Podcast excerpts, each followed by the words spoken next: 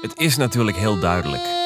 En volstrekt begrijpelijk. Gaat niet door zoals we dat normaal gewend zijn. Door alle De coronaperikelen. organisatie van het carnaval in Kruikerstad blaast alles af. En dat betekent geen nieuwe prins en geen optocht. Carnaval en corona is een heel ongelukkige combinatie. Dat hebben we vorig jaar gezien. Als je iets niet wil nu, dat is dat. Maar carnaval is zoveel meer dan feesten en drinken. Het, het, het, het allerergste is dat we elkaar niet meer zien. En hoe meer ik daarover nadenk, hoe meer pijn dat doet. Het is voor Limburgers en Brabanders het vijfde seizoen.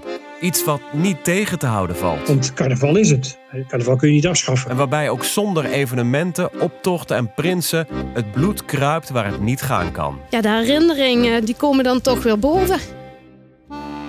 Ik ben Sander de Heer. Ik kom uit Maastricht. Woon er al lang niet meer, maar ga in de podcast Alleen Carnaval naar Brabant en Limburg.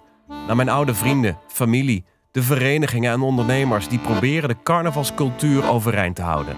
Ik bedoel, als mijn kinderen ook zeggen van... mam, als wij in de bouw moeten gaan werken... en wij houden daar het bedrijf wat open en oma opgezet hebben... en wij mee door willen gaan... als we dat daardoor overeind houden... dan doen we dat.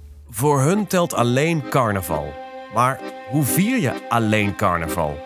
Als je weet dat er niets kan en mag, maar je wel behoefte hebt om heel even alle opgekropte ellende van het jaar te vergeten. Ik vind schmink zo'n mooie optie om een compleet andere kant van jezelf te laten zien. Een kant die er eigenlijk altijd wel zit, maar die je die andere 361 dagen van het jaar eigenlijk niet kan laten zien. En wat als we verder kijken? Ik vind het een cultureel erfgoed wat ik eh, hoop dat we met z'n allen in ere kunnen blijven houden. Is carnaval na corona nog wel hetzelfde? Of leren we iets van deze tijd? En is er uiteindelijk minder behoefte om in een bomvolle kroeg dronken in elkaars gezicht te zingen en te hoesten? Oh, daar moet ik niet aan denken. Dat kan niet. Het meest menselijke van, hé, weet je wel, elkaar een beetje pakken en zingen.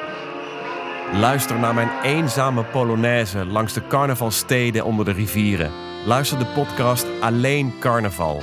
Een podcast van NPO Radio 1 en KRO NCRV. Met elkaar, niet wie samen toch alleen, alleen carnaval.